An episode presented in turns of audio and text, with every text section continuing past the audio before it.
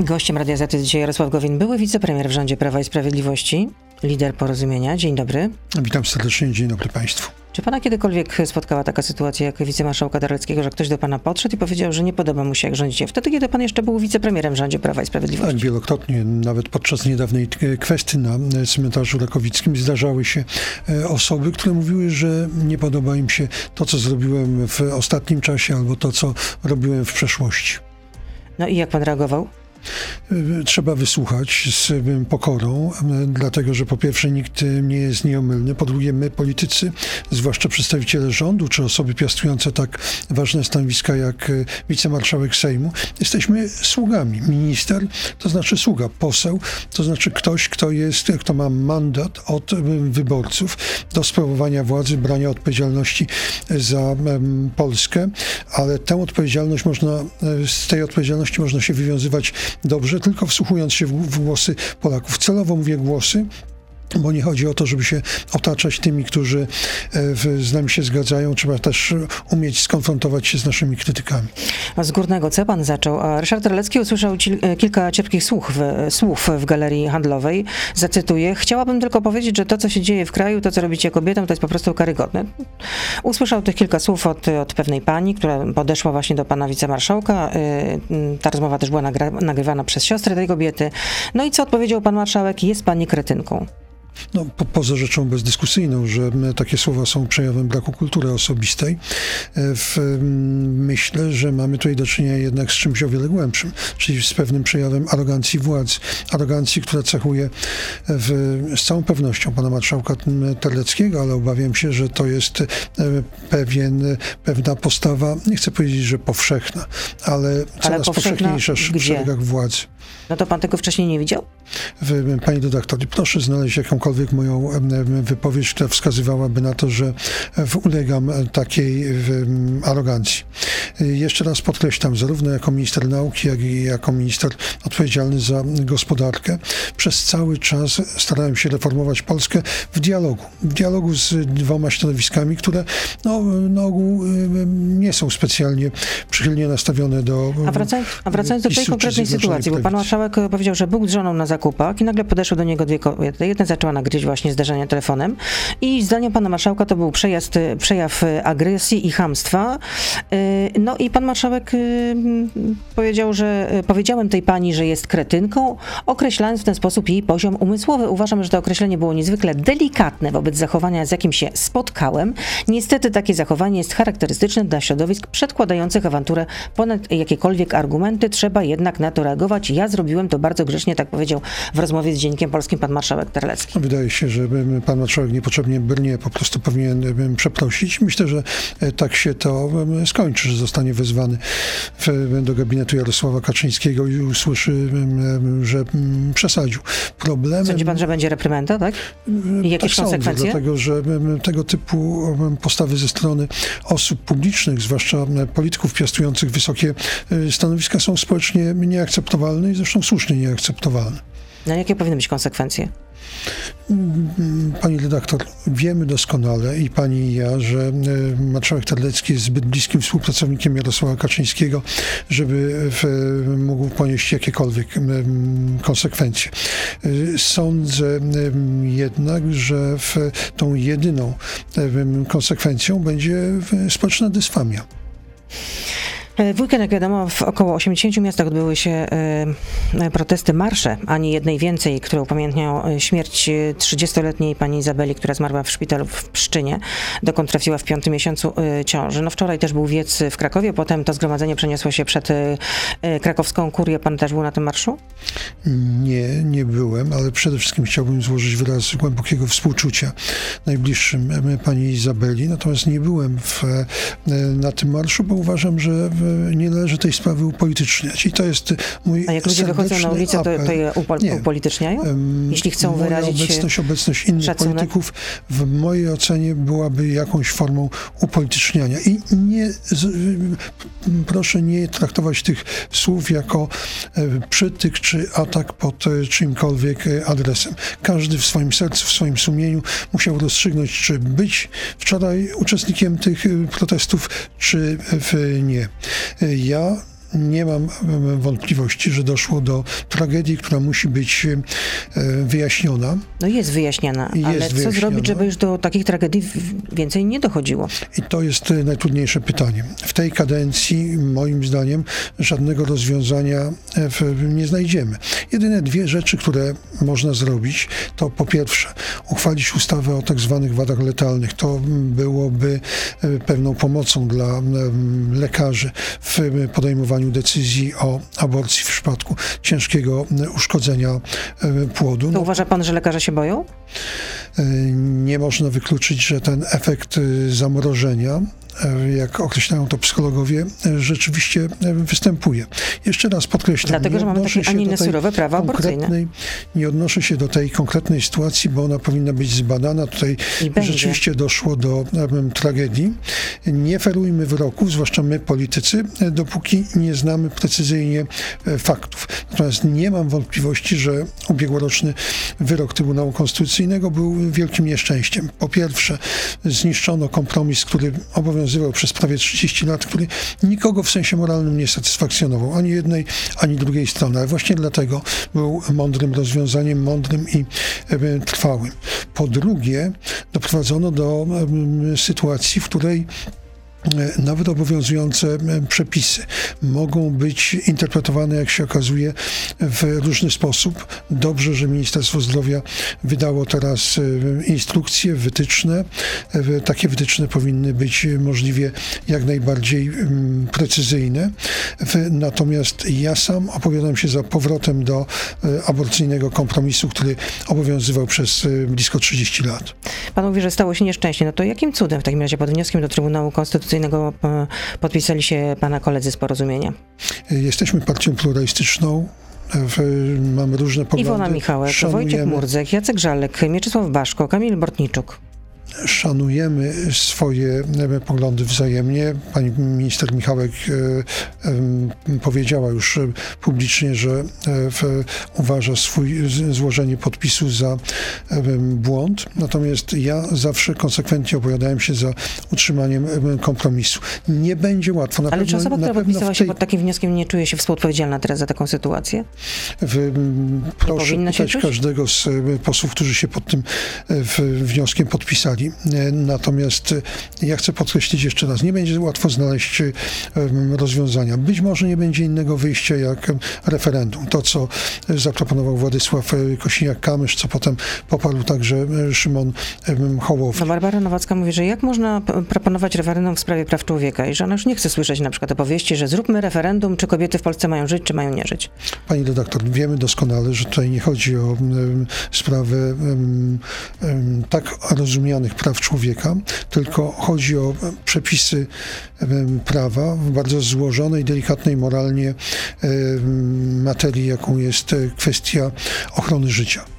W, w, tej kadencji, jeszcze raz podkreślam, być może, ale też ze znakiem zapytania, uda się uchwalić te przepisy o wadach letalnych. To proponowało porozumienie, to taki projekt pan złożył prezydent. pan prezydent Andrzej Duda, tak, ale my zaproponowaliśmy to jako pierwsi. No i trzeba uruchomić ten program wsparcia dla osób, dla rodzin wychowujących dzieci z niepełnosprawnością. I tutaj stawiamy pauzę. Jarosław Gowin oczywiście z nami zostaje. Jesteśmy już teraz na Facebooku, na Radio ZPL, na YouTubie, więc proszę zostać z nami. Beata Lubecka, zapraszam. Jarosław Gowin jest z nami, przypomnę. Y, a czy poprze pan kolejny projekt obywatelski, który będzie zrównywał, który zrównuje y, aborcję z zabójstwem. Nie, w oczywisty sposób nie poprę, nie zgadzam się z tym projektem nie tylko politycznie, ale głęboko nie zgadzam się moralnie.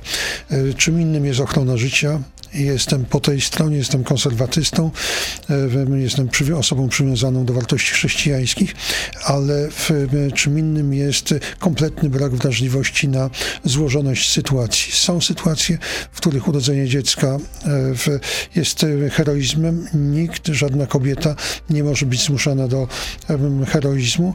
Mówię to także jako mężczyzna, to znaczy mówię to z pewną powściągliwością i pokorą w, ale w tego typu skrajne rozwiązanie jest szkodliwe także z punktu widzenia wartości, jaką jest ochrona życia. A dlaczego dopuszczalność y, wykonywania aborcji do 12 y, tygodnia ciąży. Dlaczego taki postulat y, dla pana jest nie do przyjęcia?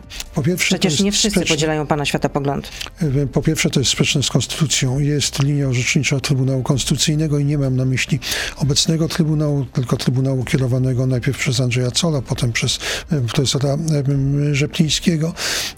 I Trybunał Konstytucyjny jednoznacznie orzekł, że na gruncie polskiej konstytucji w e, przerwanie ciąży uzasadniane względami społecznymi, czyli innymi niż zagrożenie zdrowia, życia matki, innymi niż gwałt czy ciężkie uszkodzenie e, płodu, e, jest po prostu niedopuszczalne. Czesi mają dzisiaj dać odpowiedź, czy przyjmują ofertę ugody w sprawie Turowa. Czego pan się spodziewa?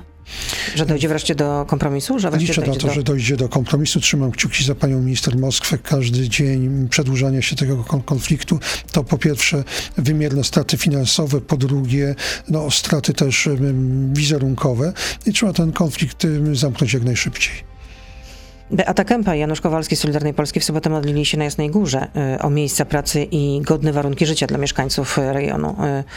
y, Kopalni i elektrowni w Turowie razem z Solidarnością. Co pan na to? E, Nie uważam, żeby występy polityków w, takich miejscach były e, rzeczą wskazaną, zarówno z punktu widzenia autorytetu e, państwa, jak i przede wszystkim z punktu widzenia autorytetu Kościoła. Natomiast e, nie ulega dla mnie też e, wątpliwości, że nie można zamknąć e, tej elektrowni i zaprzestać e, wydobywania węgla. To rzeczywiście byłaby katastrofa nie tylko dla tego e, regionu, ale to byłaby katastrofa energetyczna dla całej Polski. Dla pana to jest ostentacja? E, Takie listy z takiego Nie, takie to, że Beata Kępa i Janusz Kowalski modlili się, ale razem z Solidarnością na Jasnej Górze. Tak, dla mnie to jest ostentacja, to jest wykorzystywanie religii do celów politycznych. A czy Adam Glapiński to jest dobry szef, mm, prezes Narodowego Banku Polskiego? Bo Donald Tusk stwierdził, że Polski nie stać na drugą kadencję y, Glapińskiego. W, dopóki byłem w rządzie, zachowywałem w tej sprawie em, powściągliwość e, z oczywistych względów. E, Tutaj chodzi o wiarygodność bardzo kluczowej z punktu widzenia polskiej gospodarki instytucji, jaką jest Narodowy Bank Polski. E, Natomiast dzisiaj mogę powiedzieć, że uważam pana profesora Glapińskiego, pana prezesa Glapińskiego za, jedn, za jedną z osób współodpowiedzialnych za ogromną skalę drożyzny. Decyzje o podniesieniu stóp procentowych, trudne decyzje, bo każde podniesienie stopy procentowej oznacza podniesienie kosztów kredytów, ale te decyzje są ewidentnie spóźnione co najmniej o pół roku. No, jeśli chodzi o cel inflacyjny, to pan y, prezes, Gla- prezes Glapiński chyba się jednak nieco pogubił. Zdecydowanie się pogubił, ale to jest e, zagubienie się całego rządu. Kiedy protestowałem wraz z koleżankami, kolegami z porozumienia przeciwko rozwiązaniom podatkowym Polskiego Ładu, wskazywaliśmy właśnie na drożyznę. Ale wcześniej pan zakłada, na- za, zachwalał jednak Polski Ład. Mówił, że 90% Polaków jednak skorzysta na tym. W, po zapoznaniu się ze szczegółami. Po pierwsze, musiałem zweryfikować te dane, ale przede wszystkim Został pan w- wprowadzony w tak, błąd. zostałem wprowadzony w błąd. ale przez kogo? Przez premiera Morawieckiego? przez pana premiera i jego otoczenie wstępne szacunki i wstępne kierunkowe rozwiązania nie pokrywały się ze rozwiązaniami końcowymi. Czyli oszukali pana? Być może sami e, ulegli pewnej e, iluzji. Natomiast w momencie, w którym wiedziałem, że Polski Ład oznacza drastyczne podniesienie podatków dla przedsiębiorców i w ogóle dla klasy średniej e, i oznacza w konsekwencji kolejne uderzenie fali e, drożyzny. Nie, nie, nie miałem innego wyboru, jak sprzeciwić się temu, bez względu na e, konsekwencje. Wiadomo, jakie konsekwencje mnie i moje środowisko e, polityczne spotkały. No, został pan wyrzucony z rządu. Wracając do Adama Glepińskiego, w takim razie powinien być na dru- drugą kadencję szefem Narodowego Banku Polskiego, prezesem Narodowego Banku Polskiego. Gdyby pan prezydent Duda zapytał mnie o zdania, nie spodziewałem się, żeby tak się stało, to odradzałbym mu taką decyzję. Tym bardziej, że w obozie rządowym są naprawdę dobrzy ekonomiści, którzy w mojej ocenie piastowaliby tę kluczową w tak trudnych gospodarczo czasach funkcję dużo skuteczniej niż Adam Glepiński. No to kto w takim razie pasowałby do, do tej funkcji? Wskazywanie jakiegokolwiek nazwiska byłoby em, pocałunkiem śmierci z mojej strony. A rozumiem, że y, wasze relacje z prezydentem cały czas są zamrożone, tak? Bo pan przecież wysłał list, chciał nie pan, się, chciał pan odwiedzić od, pana nie prezydenta. Nie spotkaliśmy się od um, tamtej um, pory. Nie spodziewam się w najbliższym czasie zaproszenia od pana prezydenta, ani nie zamierzam o takie e, zaproszenie występować. A czy po powrocie do polskiej polityki y, Donalda Tuska rozmawiał pan z liderem Platformy Obywatelskiej? Nie, nie rozmawiałem. Nie rozmawiałem z nim od bodajże 2013 roku. Tutaj e, mamy taką samą e, wersję wydarzeń, te oskarżenia pod moim adresem, że tajnie spotykałem się z Donaldem Tuskiem jako wicepremier są bezpodstawne i tak jak e, powiedziałem przed chwilą, nie spotkałem się również po wyjściu z rządu. W rozmowie z Newsweekiem przewodniczący Platformy Obywatelskiej mówi tak, wygramy następne wybory parlamentarne, te wybory wygra zjednoczona opozycja. Jestem o tym przekonany. Tusk zapewnia też, że jest bezpiecznym partnerem dla liderów partii opozycyjnych. Zapewnia, że wie, co zrobić, żeby pokonać Prawo i Sprawiedliwość. Trzymam kciuki za każdego, kto będzie chciał odsunąć PiS od władzy, natomiast w jaki sposób to zrobić skutecznie, chyba za wcześnie dzisiaj przesądzać. Czy to ma być jedna lista, jak proponuje Donald Tusk, a właściwie dwie, bo on zakłada, że lewica, w każdym razie część lewicy, ta pod przywództwem Włodzimierza Czarzastego wystartuje w osobno, więc dwie listy, czy też być może trzy. Jedno jest dla mnie pewne. Pan mówił, że Tutaj, muszą być dwie, że powinny być dwie, żeby wygrać z na pewno przyznam rację Donaldowi Tuskowi. Otóż jeżeli opozycja pójdzie do wyborów podzielona, każdy osobno, to wybory zakończą się nie tylko zwycięstwem PiSu, PiSu w tym sensie, że on uzyska najlepszy wynik, ale PiS będzie rządził trzecią kadencję. Ale y, pan na jednej liście z, pla z Platformą Obywatelską, z Donaldem Tuskiem? W, mm, pani redaktor, ja nie powiedziałem, że powinna być y, jedna e, lista. W no, mojej no, ocenie, zakładając, że będą dwie, tak jak mówi Donald Tusk. z dzisiejszej perspektywy wydaje się, że potrzebna jest jakaś lista bardziej ciut na prawo od Platformy Obywatelskiej, lista, na którą mogłoby, mogłaby zagłosować część wyborców Prawa i Sprawiedliwości. Bo wie pani doskonale, że na elektorat PiSu e, Donald Tusk działa również ze względu na ogromną, zmasowaną kampanię nienawiści, propagandy e, pod jego adresem e, prowadzonej przez media publiczne, no ale działa w, nie chcę powiedzieć, że jak płachta na byka, bo to byłoby może nieelegancko, ale działa niezachęcająco. No, ale jeśli chodzi o porozumienie, to to jest 0% w sondażach, więc musicie się do kogoś przytulić. No może nie zero. No Są 0%. sondaże, w których mamy 1, 2. No ale to nawet 1, 2 to, to nie rokuje doskonale zdajemy zwycięstwa. Sobie, doskonale zdajemy sobie sprawę z tego, że w, będziemy startowali w ramach szerszej konfiguracji. Mam nadzieję, że to będzie konfiguracja środowisk takich centro-centro-prawicowych, ale jeszcze raz podkreślam, dzisiaj za wcześnie, żeby przesądzać o tym, jaki będzie kształt tych e, koalicji wyborczych. Ale to panu bliżej do PSL-u czy do Hołowni? W, nie chcę w, te, w ten sposób e, e, definiować naszej bliskości.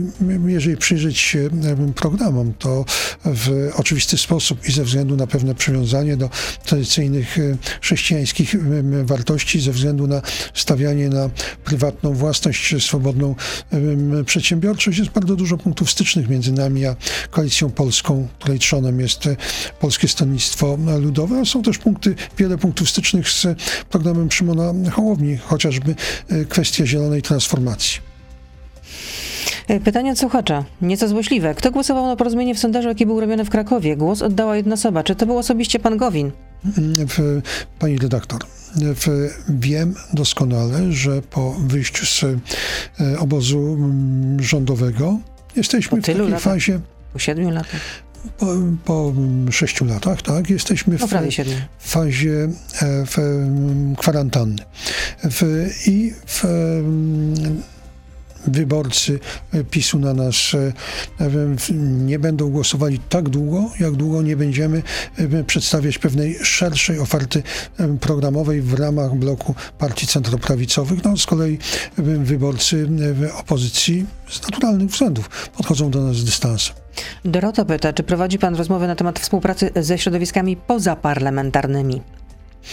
Mm, nie wiem kogo w, kogo należałoby definiować jako środowiska pozaparlamentarne, e, ale jeżeli chodzi o partię, to nie. Natomiast jeżeli chodzi o środowiska samorządowe, zdecydowanie tak, dlatego że porozumienie jest partią konsekwentnie prosamorządową i mamy w samorządach wielu partnerów.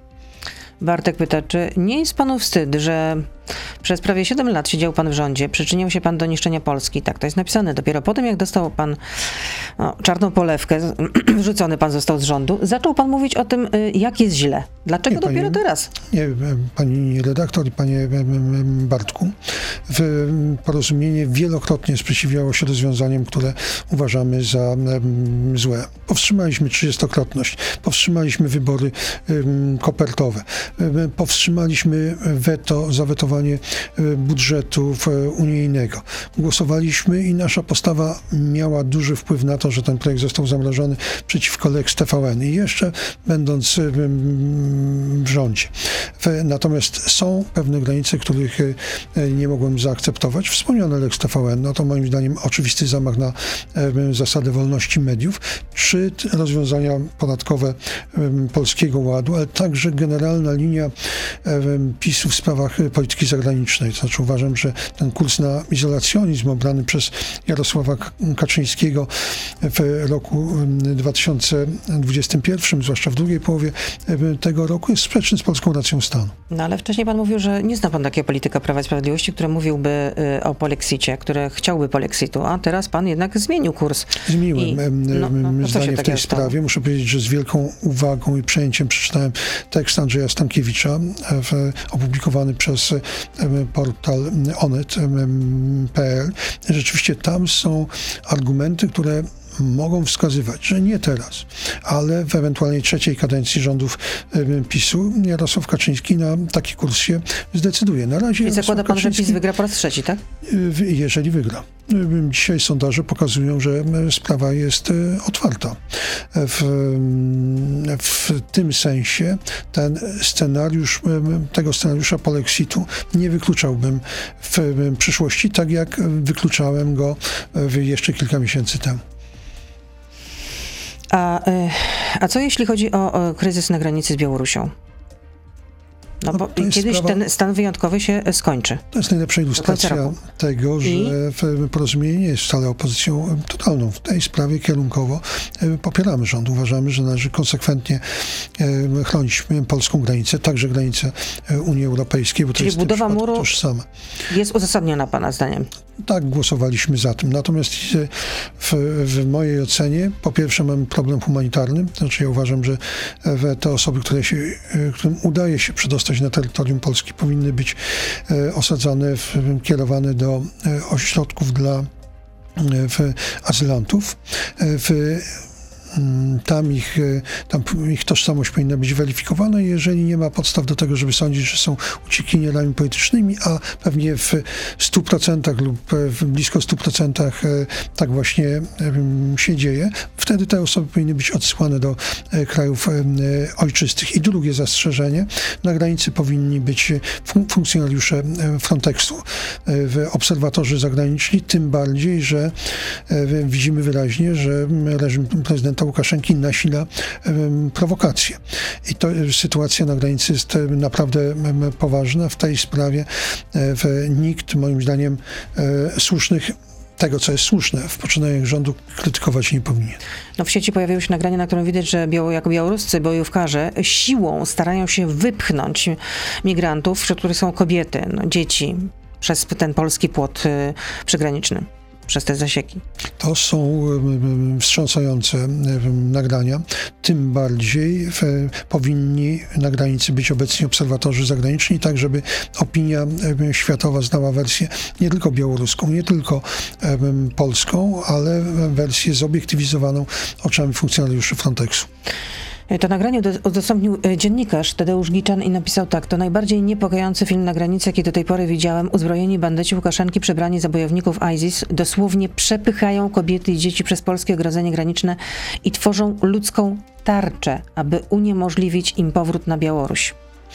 To są tragiczne sytuacje. I jeszcze raz podkreślam, nie możemy ulegać szantażowi Łukaszenki. To jest szantaż nie tylko pod adresem Polski, nie tylko pod adresem Litwy czy Łotwy. To jest szantaż pod adresem całej Unii Europejskiej. Proszę zwrócić uwagę, że Unia Europejska tym razem podchodzi do tego znacznie mniejszego, jeżeli chodzi o skalę kryzysu migra migracyjnego, w zupełnie inny sposób niż w 2015 roku. Generalnie rzecz biorąc, stanowisko polskie jest przyjmowane z aprobatą. No w 2015 roku pan miał też inne stanowisko, bo pan uważał, Miałem? że nie należy, nie należy w ogóle tutaj przyjmować muzułmanów. Miałem stanowisko takie. Oni się nie asymilują, że będą zagrożeniem.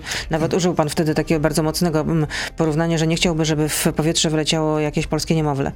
I podtrzymuję to stanowisko niczego pod tym względem nie zmieniłem. Natomiast z aprobatą przyjmuję objęcie ochroną przez y, polskie państwo tych obywateli Afganistanu, którzy współpracowali z, nie tylko z siłami polskimi, ale z siłami Zachodu. I jeszcze raz podkreślam, że powinniśmy w stosunku do osób, które przekroczyły już terytorium Polski, stosować normalne procedury azylowe. Tutaj podzielam stanowisko Rzecznika Praw Obywatelskich pana profesora profesora Wiącka. A czy Jan Strzeżek w tym roku też e, będzie maszerował w e, Marszu Niepodległości? Proszę zapytać e, Jana Strzeszka, ale w, z moich rozmów z nim wynika, że odbiera te wydarzenie, to wydarzenie bardzo krytycznie. No ale w przeszłości mówił, że był wielokrotnie i chętnie się wybierze w tym roku, tak mówił w 2018 roku. Coś się wydarzyło od tamtej pory. Marsz, który miał być i był przez jakiś czas takim pięknym świętem patriotyzmu, został zdominowany przez środowiska skrajne, już nie mówiąc o akcentach chuligańskich na tym wydarzeniu. To jest porażka polskiego państwa, że nie udało nam się przez 30 lat stworzyć tego dnia takiego wydarzenia, które by łączyło Polaków zamiast dzielić. No, Robert Bonkiewicz, e, szef Stowarzyszenia Marsz Niepodległości, zapowiada, że marsz się odbędzie, niezależnie od tego, że e, są zakazy sądów. No, są zakazy sądów, jest prawo, które powinno obowiązywać. Zapewne to prawo zostanie złamane ale w tej sytuacji tym bardziej uważam, że skoro dochodzi do e, naruszenia prawa, to obecność na tym marszu jest e, rzeczą niewłaściwą. Jarosław Gowin jest z nami i są pytania do e, byłego wicepremiera. Mikołaj pyta, czy po podwyżkach wystarcza panu do pierwszego? Pani redaktor, w, już wielokrotnie odnosiłem się do tej wy, wypowiedzi, wypowiedzi. Ona była która zresztą tutaj w Radiu Z padła. Ona była niefortunna. E, Rozmawiał pan z Konradem Piaseckim? Wtedy? Rozmawiałem, tak. E, w, te słowa były niefortunne. Czyli rozumiem, że starczało panu do pierwszego? Mm, jeszcze raz podkreślam, to były niefortunne słowa. To, to, to Mikołaj pyta, to co będzie, gdy źródełko się skończy? W, każdy bierze odpowiedzialność za e, swoją przyszłość. Ja nie wahałem się odejść z rządu w wiosną ubiegłego roku e, w, w proteście przeciwko wyborom kopertowym. Nie wahałem się sprzeciwić złym rozwiązaniom podatkowym czy Lex TVN, generalnie złej polityce e, latem tego roku, wiedząc jakie konsekwencje mnie czekają. No bo wielokrotnie słyszeliśmy, czy to z pana ust, czy też z ust pana współpracowników, że bardzo źle by się stało, gdyby Zjednoczona Prawica nie rządziła. Że to jest najlepsze rozwiązanie dla Polski. Tak długo. Tak pan mówił. Tak długo, jak długo dało się powstrzymywać rozwiązania złe, a równocześnie realizować wiele elementów dobrych, bo ja nie kwestionuję wielu sukcesów Zjednoczonej Prawicy. Współtworzyłem te sukcesy przez kilka lat. E, tak długo było tam miejsce dla porozumienia i dla Jarosława Gowina. Teraz tego miejsca nie ma. Macie pyta, czy i kiedy ujawni pan, co dostali y, pana byli posłowie z porozumienia za pozostanie w koalicji rządzącej? E, proszę ich o to pytać. Czy nie ujawni pan? Y, czy myśli pan o wstąpieniu do Polska 2050 y, Szymona Hołowni? Nie, nie biorę tego pod uwagę. Jestem pełen szacunku dla Szymona Hołowni, również dla jego skuteczności politycznej. To, że w półtora roku po wyborach prezydenckich udaje mu się w utrzymać tak wysokie kilkunastoprocentowe poparcie wyborcze, to jest wielki sukces, ale pod względem programowym są rzeczy, które nas łączą, chociażby właśnie wspomniana w, zielona transformacja, czyli poglądy ekologiczne. Są też rzeczy, które nas dzielą. Kamil pyta, ile osób liczy pana partia, ile członków? Około dwóch tysięcy. Michał, w 2015 roku Klub Prawa i Sprawiedliwości szedł do wyborów z przekazem, że trzeba rozliczyć poprzednią władzę. No i do ilu procesów doprowadzono? W, nigdy nie byłem zwolennikiem tego typu haseł i tego typu procesów. Żeby była jasność, nie będę też zwolennikiem tego typu postulatów, jeżeli PiS władzę straci. Czyli nie jest pan zwolennikiem rewanżyzmu? Nie, zdecydowanie nie. Uważam, że rywalizacja polityczna powinna się zamykać w przestrzeni wyborczej. Nie powinniśmy wzajemnie przeciwko sobie stosować narzędzi e, prawnych, chyba że w oczywisty sposób ktoś to prawo naruszył. Czyli Trybunał Stanu dla najważniejszych polityków Prawa i Sprawiedliwości? Nie, nie jestem e, w, rzecznikiem takich rozwiązań. Spierajmy się o to, co jest lepsze dla Polski, a niech to będzie spór o charakterze demokratycznej rywalizacji o władzę. Bronisław pyta, kiedy poznał pan e, Ryszarda Terleckiego? Czy jeszcze za czasów opozycji w PRL-u? Mm, tego sobie nie przypominam, ale jest to bardzo prawdopodobne, dlatego że e, obaj obracaliśmy się w tych samych kręgach e, e, krakowskiej opozycji. Sądzę, że spotykaliśmy się na tajnym wówczas seminarium prowadzonym w klasztorze ojców dominikanów przez profesora, ojca profesora Jana Andrzeja Kłoczowskiego. A od kiedy między panami jest taka szorstka przyjaźni i o co poszło? To, to jest pytanie do pana marszałka Terleckiego. Ta szorstkość jest jednostronna. Mhm. Czy rozumiem, że to pan marszałek Terlecki bardziej pana nie lubi niż pan nie lubi Ryszarda Terleckiego, tak? E, ja krytycznie oceniam wiele elementów postawy pana marszałka Terleckiego, ale na, naprawdę, proszę mi wierzyć, nie mogę powiedzieć, że go nie lubię, mam do niego stosunek obojętny. Piotr pyta, jakie ma pan najgorsze wspomnienie z Ryszardem Terleckim? Znowu to samo pytanie. Nie mam żadnych traumatycznych doświadczeń. Pan marszałek Terlecki konsekwentnie krytykował mnie, kiedy byłem ministrem nauki, czy kiedy byłem ministrem gospodarki. Każdy ma prawo do niezgadzania się z moimi poglądami. Czy nadal jest pan zwolennikiem podziału Polaków ze względu na status szczepienia covidowego? Jestem zwolennikiem tego, żeby osoby zaszczepione nie podlegały jakimkolwiek e, obostrzeniom. Jeżeli będą wprowadzane obostrzenia, to one powinny dotyczyć tylko osób niezaszczepionych. Jeżeli ktoś to nazywa um, dzieleniem Polaków, to moim, zdaniem, to moim zdaniem to określenie segregacja jest e, nieadekwatne.